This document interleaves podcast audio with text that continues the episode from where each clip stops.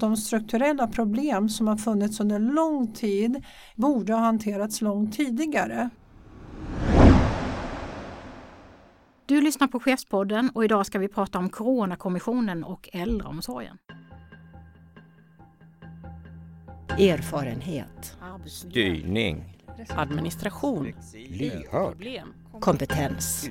Underskott. Tillgänglig. Kommunikation. Motgång. Förtroende. Ansvar. Coachande. Rättvis. Konflikt. Tillit. Arbetsmiljö. Ledarskap. Hej och välkomna till Chefspodden med mig Hanna Bromberg och idag med min kollega Vesna Jovic som är utvecklingschef på Akademikerförbundet SR men också nu har varit ledamot och är ledamot i Coronakommissionen. Och idag handlar podden om just Coronakommissionen, äldreomsorgen och chefsperspektivet. Välkommen Vesna! Tack så mycket! Jättekul att vi får podda igen och speciellt om det här ämnet som vi pratar ganska mycket om på jobbet, äldreomsorg. Eh, och att de frågorna nu är aktuella, äntligen säger nog många. Du är då ledamot i Coronakommissionen och du har en lång bakgrund som chef i offentlig sektor och senast som VD på Sveriges kommuner och regioner. Igår så kom det första delbetänkandet från eh, Coronakommissionen och eh, det är det vi ska prata om. Berätta lite först, hur har arbetet varit? Du som är van att leda saker och ingå i sådana här, skiljer det sig någonting med Coronakommissionen hur ni har jobbat? Eh, ja, men det blir ju på ett helt annat sätt faktiskt. Eh, dels vill jag säga att det har varit väldigt spännande och väldigt intressant. Roligt har det varit att få den här möjligheten att tillsammans med många andra kompetenta personer och helt fristående få en möjlighet att göra en överblick, att gå in i viktiga frågor. Vårt uppdrag har ju varit att utvärdera pandemin eh, kopplat till äldreomsorgen så här långt. Eh, man kan också säga att vi har haft väldigt kort tid på oss. Vi fick ju uppdraget i slutet på juni, början på juli och vi skulle presentera det första delbetänkandet igår. Eh, I princip har vi haft fyra månader på oss att arbeta med detta. Eh, så att det har varit en liten utmaning och det är en utmaning eh, att utvärdera under en pågående pandemi. Så vårt fokus har ju varit mycket på våren 2020. Vi har också varit tvungna att och tvungna och tvungna, men det har varit viktigt för oss eh, utifrån den här korta tidsaspekten att ta del av vad andra har skrivit i form av rapporter, forskningar och så vidare. Så att det ligger mycket till grund för det vi har gjort. Mm. Låter som det har varit spännande diskussioner säkert i gruppen. Ja, mycket. Många olika ingångar men det har varit väldigt högt i tak och en stor vilja att faktiskt ta sig an detta uppdrag på både ett seriöst sätt men också att våga vara lite modig. Mm. Jo men det är ju viktigt en, en, en fristående och självständig kommission som, som det här ska vara. Eh, och då tänker jag att det var väldigt tydligt nu när kommissionen presenterade sitt första betänkande när ni, när ni la fram det och eh, er ordförande Mats Melin eh, hade en, en pressträff om detta. Eh, så var ju ett budskap just att den här viktigaste strategin som Folkhälsomyndigheten har deklarerat tidigt eh, att det gällde att skydda de, de äldsta Eh, och eh, 70 plus men också äldreboende. Att det faktiskt, eh, när det gäller just äldreboende har misslyckats. Det är ju hälften av de, de döda i Sverige som har bott på särskilda boenden. Kan du utveckla den kritiken? Mm. Det är ju många delar i den här kritiken förstås.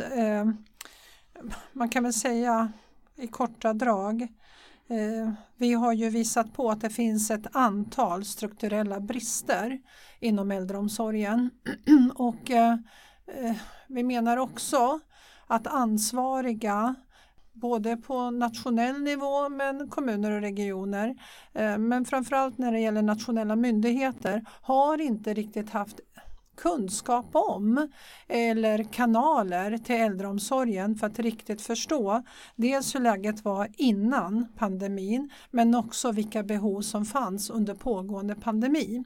Eh, man har naturligtvis också fokuserat mycket och prioriterat eh, sjukvården i det första skedet, vilket är ganska naturligt.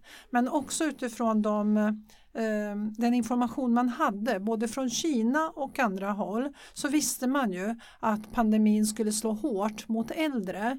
Eh, det sa man visserligen tidigt men åtgärderna och besluten eh, kom väldigt sent och de var också otillräckliga. Så det är en kombination av strukturella brister, eh, otillräckliga insatser och väldigt sena beslut. Mm. Och det är det här som har gjort att vi har så höga dödstal bland de, de äldsta och, och på boendena. Ja, det har nog påverkat och det är det här som är det svåra kan jag säga.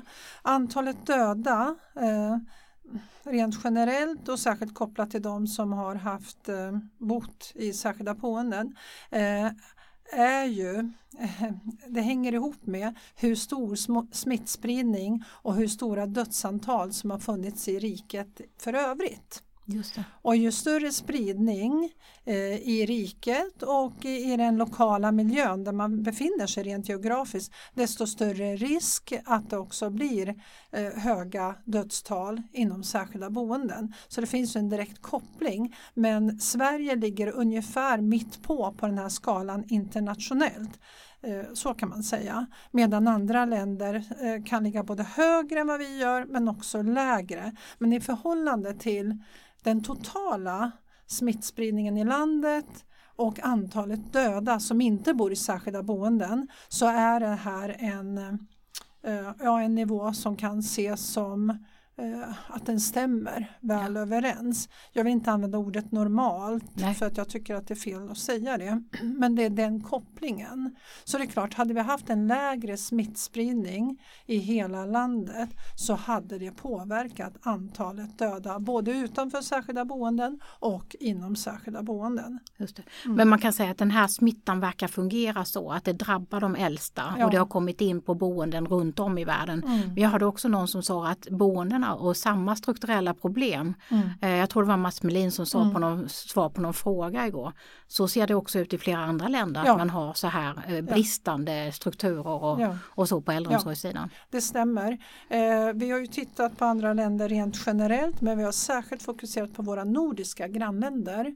Och där kan vi konstatera, det, det, det skiljer lite och det, det kan vi komma in på, men framförallt i ett internationellt perspektiv så är det en eh, sektor med eh, både låg bemanning, eh, låg kompetens och utmaningar helt enkelt rent ekonomiskt. Dåliga förutsättningar för Dåliga så kvalificerat jobb. Ja, det är det. Mm. det, är det. Och då kan man väl säga att alltså Sverige eh, slutade ju smittspåra ganska tidigt och vi fick, man konstaterade en, en sm- samhällssmitta Mm. eh, ganska tidigt och, och, och då, då var ju äldreomsorgen helt enkelt inte rustad för att klara det och fick Nej. inte det stöd man hade behövt. Nej, det stämmer. Och i och med också det fokus som man hade nationellt när det gällde just själva eh, sjukhusvården.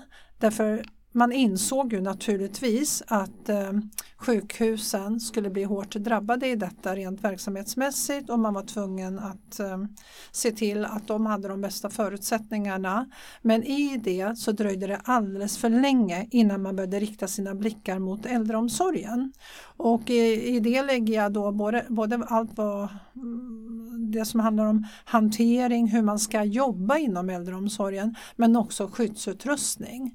Det tog ju i princip flera månader innan man hade en klar bild av hur bristerna vad gäller skyddsutrustning inom äldreomsorgen såg ut.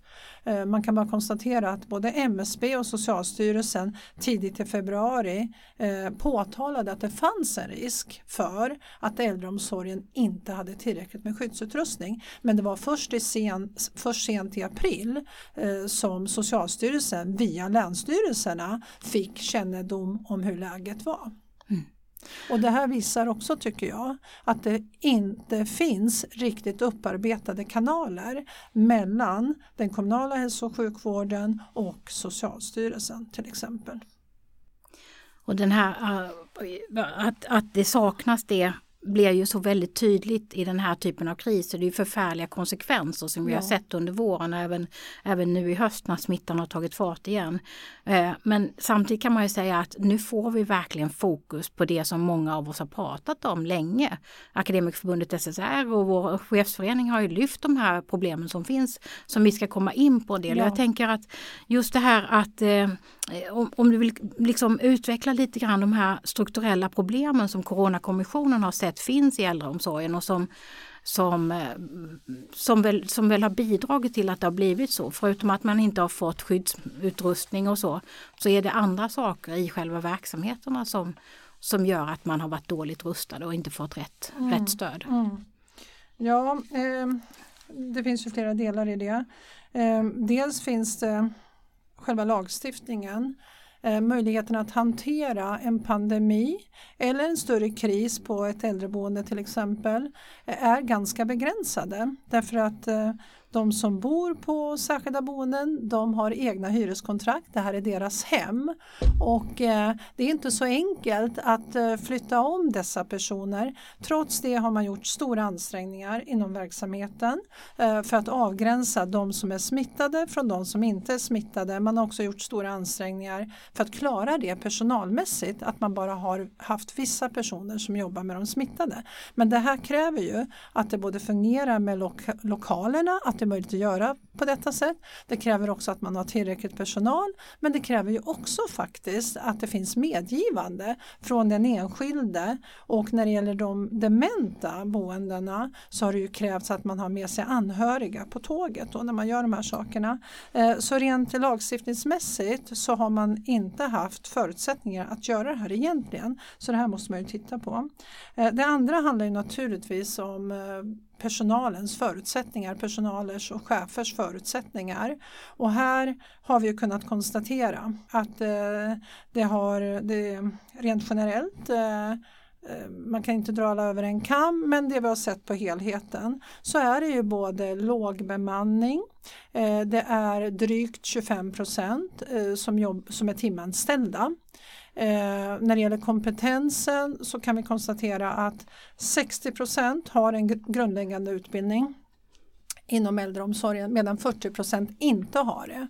Och vi har också konstaterat att det finns väldigt många medarbetare som har språksvårigheter. För många gånger är det här ett ingångsjobb, kanske ett första jobb om man har kommit till Sverige som flykting eller invandrare. Då då.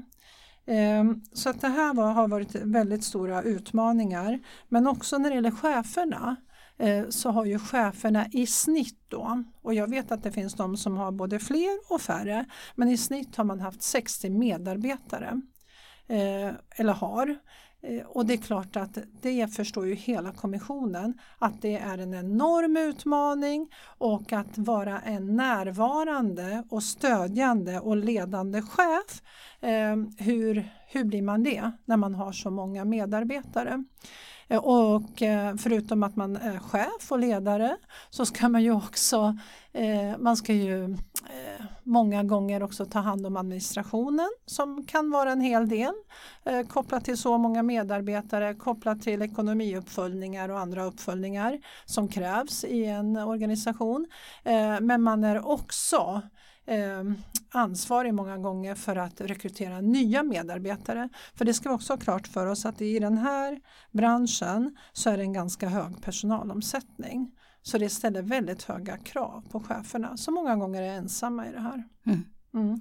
Eh, och sen har vi också kunnat konstatera då att eh, eh, när det gäller just eh, bemanningen så behöver också den medicinska eh, kompetensen, Eh, det vill säga också sjuksköterskor.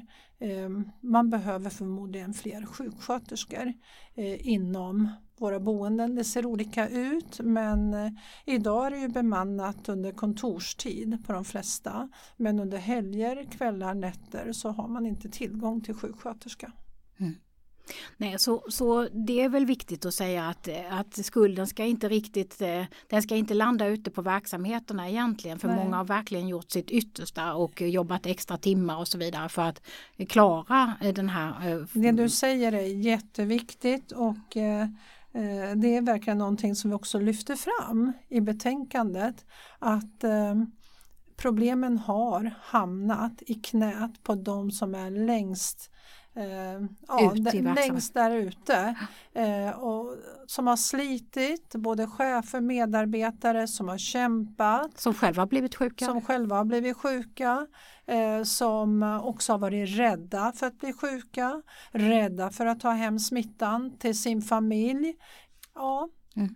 Och de har trots detta gjort allt de har kunnat för att eh, Mm. hjälpa de gamla. Mm. Mm.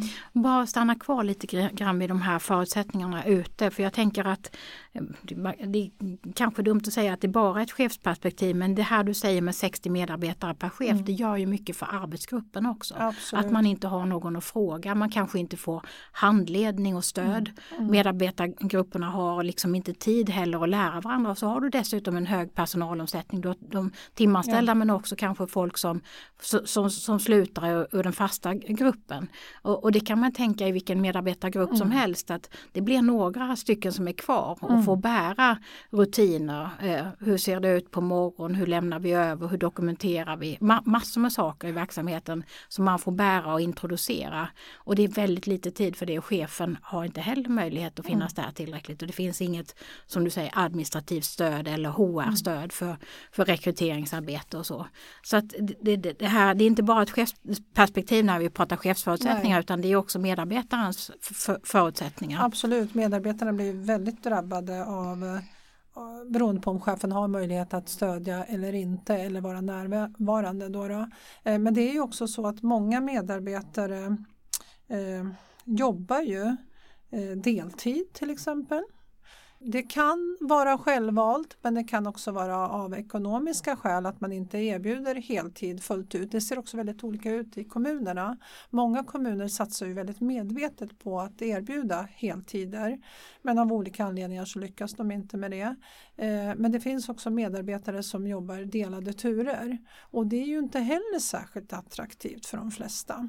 Så attraktiviteten i att jobba inom äldreomsorgen måste ju stärkas både för chefer och medarbetare självklart Mm. anser jag.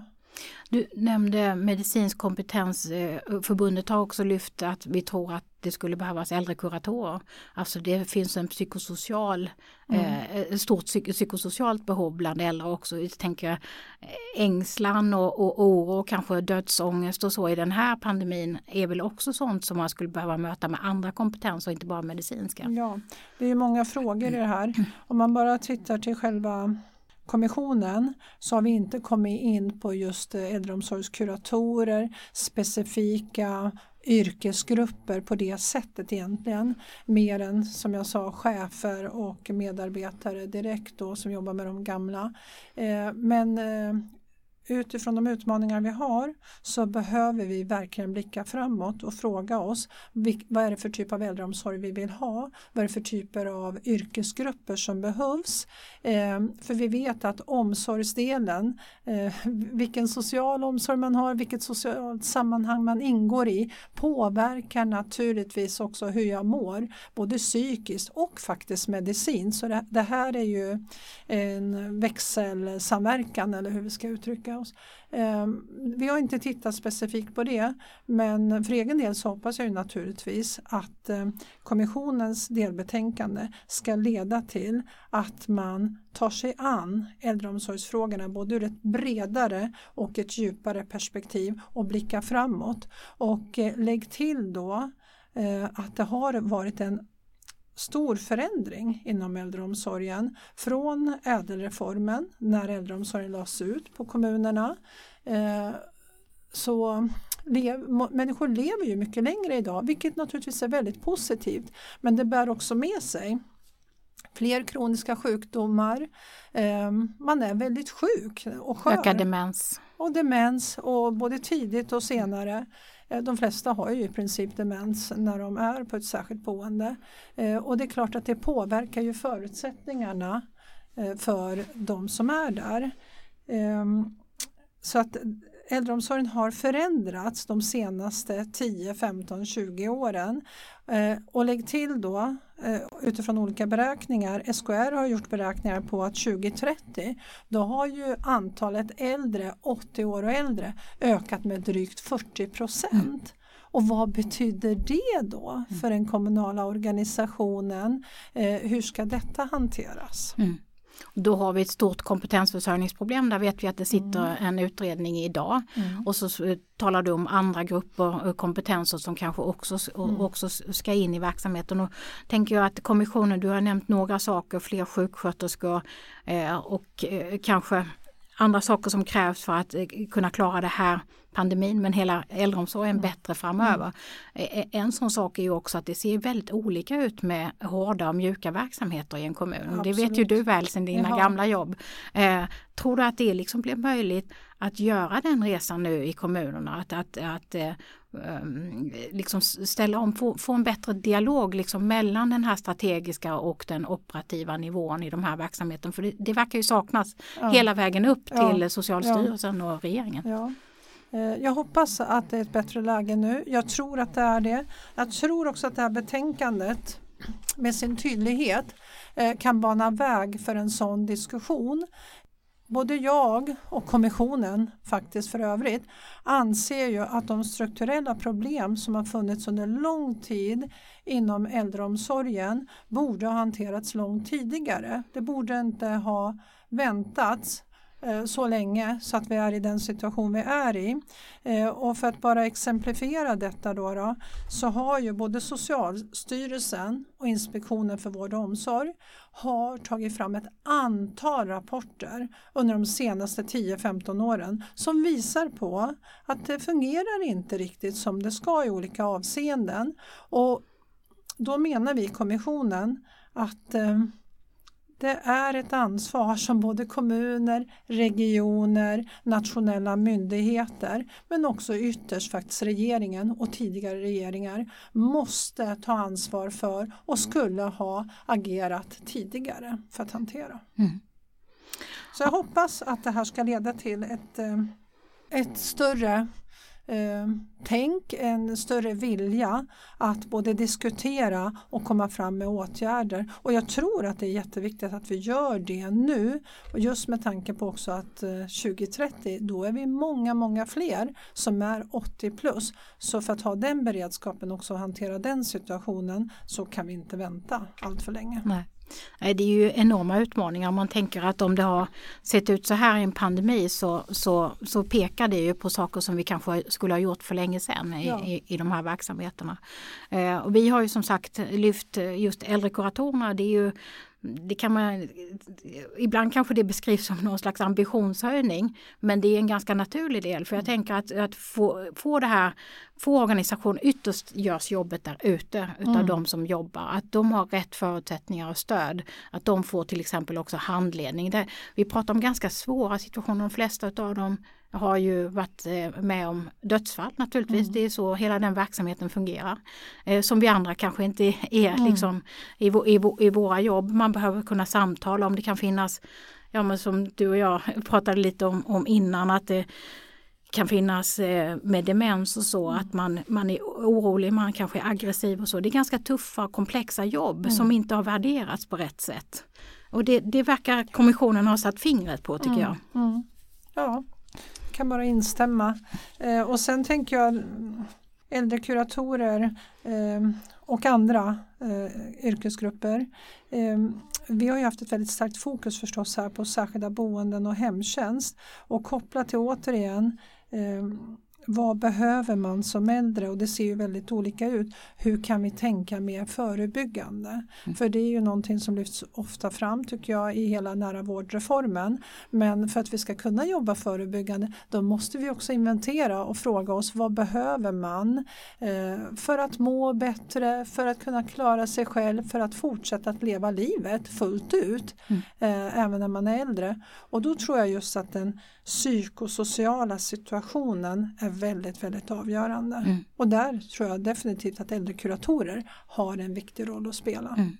Och vi har varit inne på mycket de, särskilda boendena eh, Mm. som ju är den, den, den, den liksom det sista boendet för, för, för många. Men man bor ju också kvar väldigt länge. Det har ju varit en trend eller det har varit en slags politik att man sätter in mycket hemtjänst. Men där ser vi också från, från forskarna, man visar att antalet eh, som kommer och besöker den äldre och de som själva jobbar i hemtjänsten har fler fler besök Ja. per dag som de gör eh, hos fler personer. Eh, så eh, den här omsättningen av, av personer det, det borgar ju inte heller för en kontinuitet och man har liksom skruvat systemen så man har minutmätningar och sådär. Eh, så eh, hemtjänsten har ju också varit, varit utsatt un, under pandemin och fått dålig skyddsutrustning och ändå liksom varit ja, väl livlinan ändå för, för många varje dag är det ju så med mat och och eh, basala hygien, eh, hjälp med, med intim hygien och ja, all, allt, allt möjligt.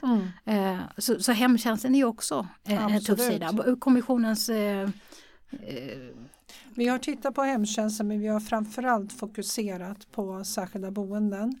Men när det gäller hemtjänsten så ser vi samma saker att eh, antalet personer man ska besöka, eh, svårt med möjligheter när, när det gäller skyddsutrustning men också eh, mellan de olika besöken. Jag tror i snitt så har man kanske 12 personer eh, som man ska hjälpa under en dag inom hemtjänsten.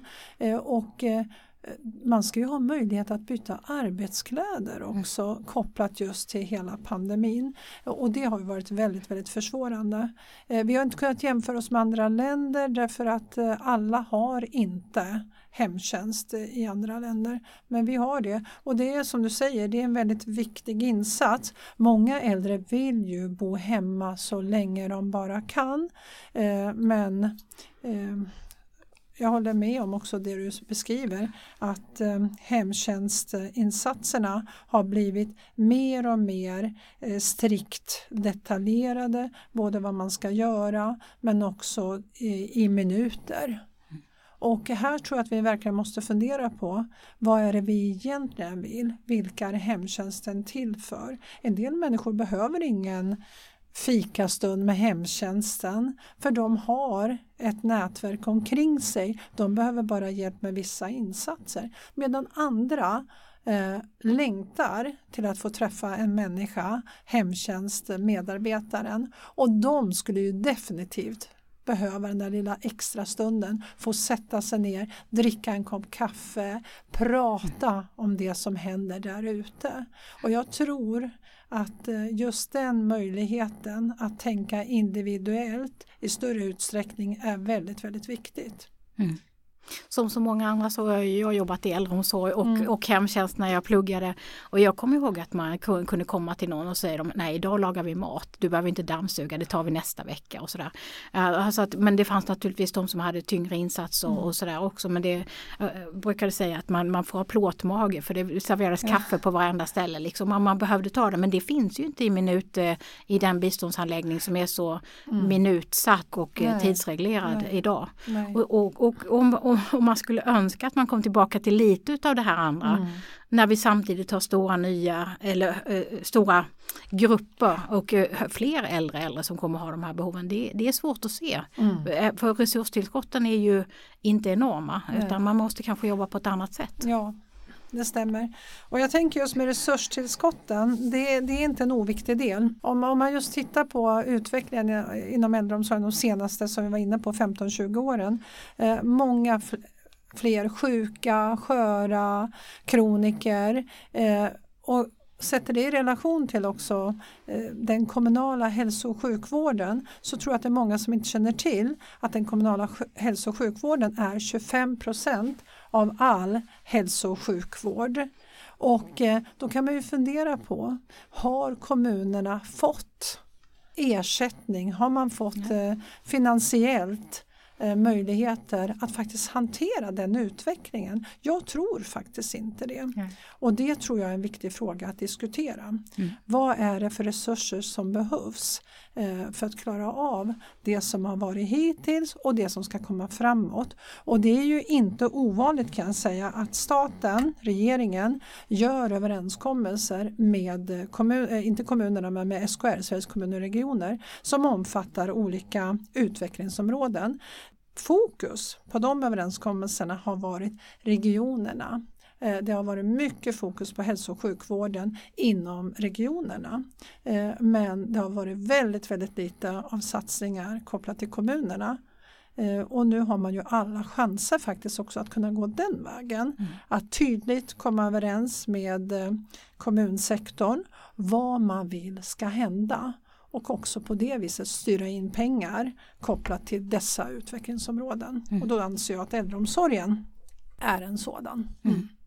Ja, det här är ju enormt viktiga saker som kommissionen liksom öppnar dörren till nu. Att man, man får ju väldigt stora förväntningar att, att man både kommunalt och lokalt med regionerna, de här organisatoriska mellanrummen som man pratar om, att man för, försöker överbrygga dem och diskutera även pengarna och så.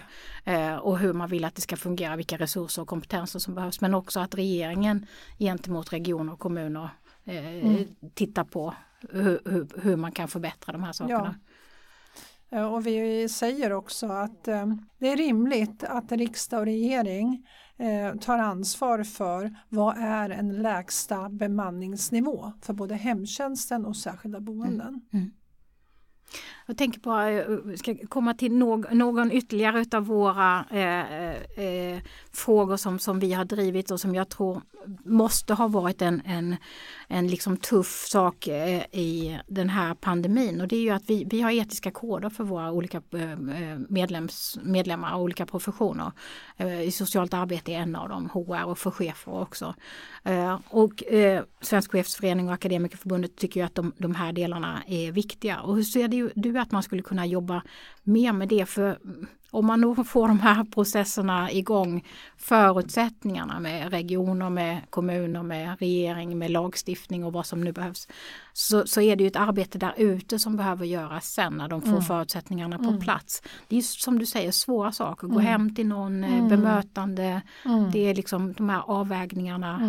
Och jag tror att det har ställt på sin spets i pan- pandemin, de här etiska eh, diskussionerna. Ja, jag tror att man måste jobba på alla nivåer. Jag tror att den här frågan nu är så pass viktig så att man eh, behöver jobba även på en nationell nivå. Det vill säga fackliga förbund tillsammans med arbetsgivare. Eh, där man går igenom, där man tänker till, där man funderar över framtidens äldreomsorg kopplat just också till etiska koder. Jag tror att det skulle vara bra eh, Eh, med någon form av handslag på nationell nivå. Och detta bör naturligtvis eh, jag vill inte säga komma ut till den lokala nivån för jag tror att man måste ha en växelverkan. Det måste vara underifrån och upp men också uppifrån och ner. Eh, föra ett klokt samtal eh, på både nationell och lokal nivå men ytterst ett handslag mellan fackliga och arbetsgivare där man bestämmer sig för att det är åt det här hållet vi ska gå. Där också kvaliteten och de här professionella frågorna finns med i den ja, diskussionen. Det tror jag. Ja. Det tror jag. jag tror att det skulle kunna vara ett stöd eh, för hela kommunorganisationen. Mm. Att lyfta statusen också ja, för den här lyfta verksamheten. statusen, men, men kopplat också till kompetensutveckling som vi har varit inne på. Satsningar i olika former eh, med hjälp av de här överenskommelserna som jag se, ser framför mig mellan, mellan regeringen och SKR.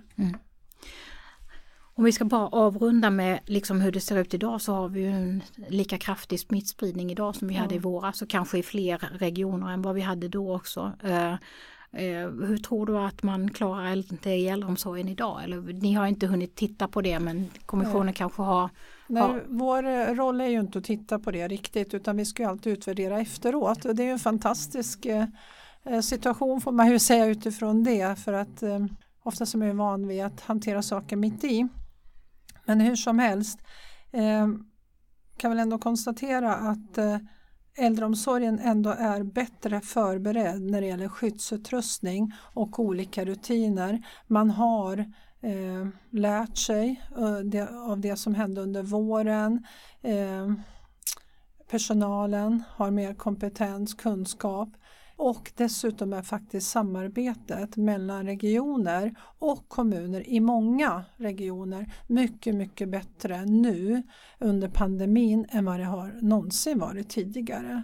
Så det är ju naturligtvis en bra sak. Det kan man hoppas att det håller att det fast. ska hålla i sig. Ja, Ja. och det är någonting som vi faktiskt pekar ut också. Eh, att det här får ju inte vara så att det bara har fungerat nu och då är alla nöjda och belåtna. Utan vi måste nog formalisera samarbetet betydligt mer tror vi. Både på operationell nivå och på systemnivå. Eh, det behövs alltså på flera nivåer så måste det finnas ett eh, uttalat och beskrivet samarbete som också måste utvärderas på olika sätt och följas upp. Så. Så man får även lokalt göra sin lilla kommission och se eh, Ja, jag, att, tror, jag tror det. att dra slutsatser. Ja, man måste ta reda på, man måste hålla i det. Man måste ta reda på, fungerar det här verkligen som vi sa att vi skulle göra? Mm. Och då krävs det nog att det flera nivåer är med i de diskussionerna. Mm. Och i det så ligger det också att kommunerna måste bli lite bättre kravställare på regionerna. Mm. Ja, vi ska alldeles strax avrunda den här podden men man kan väl konstatera att kommissionens eh, tydliga genomgång, jämförelse internationellt delvis, eh, eh, kritik mot eh, hur det har fungerat. Det öppnar ju verkligen upp eh, dörren för att titta på äldreomsorgen och ta, ta tag i de här strukturer Mm. som vi sedan länge har vetat har inte varit bra. Ja, jag hoppas på det. Ja. Jag tror det. Mm. Fint. Tusen tack Vesna Jovic för det här samtalet om Coronakommissionen och det första delbetänkandet som har kommit i dagarna. Eh, och det handlar ju om äldreomsorgen och hur det har fungerat. Vi sänder en ny chefspodd igen eh, om ett tag och chefspodden finns på Spotify och andra kanaler där poddar finns. Tack och på återhörande.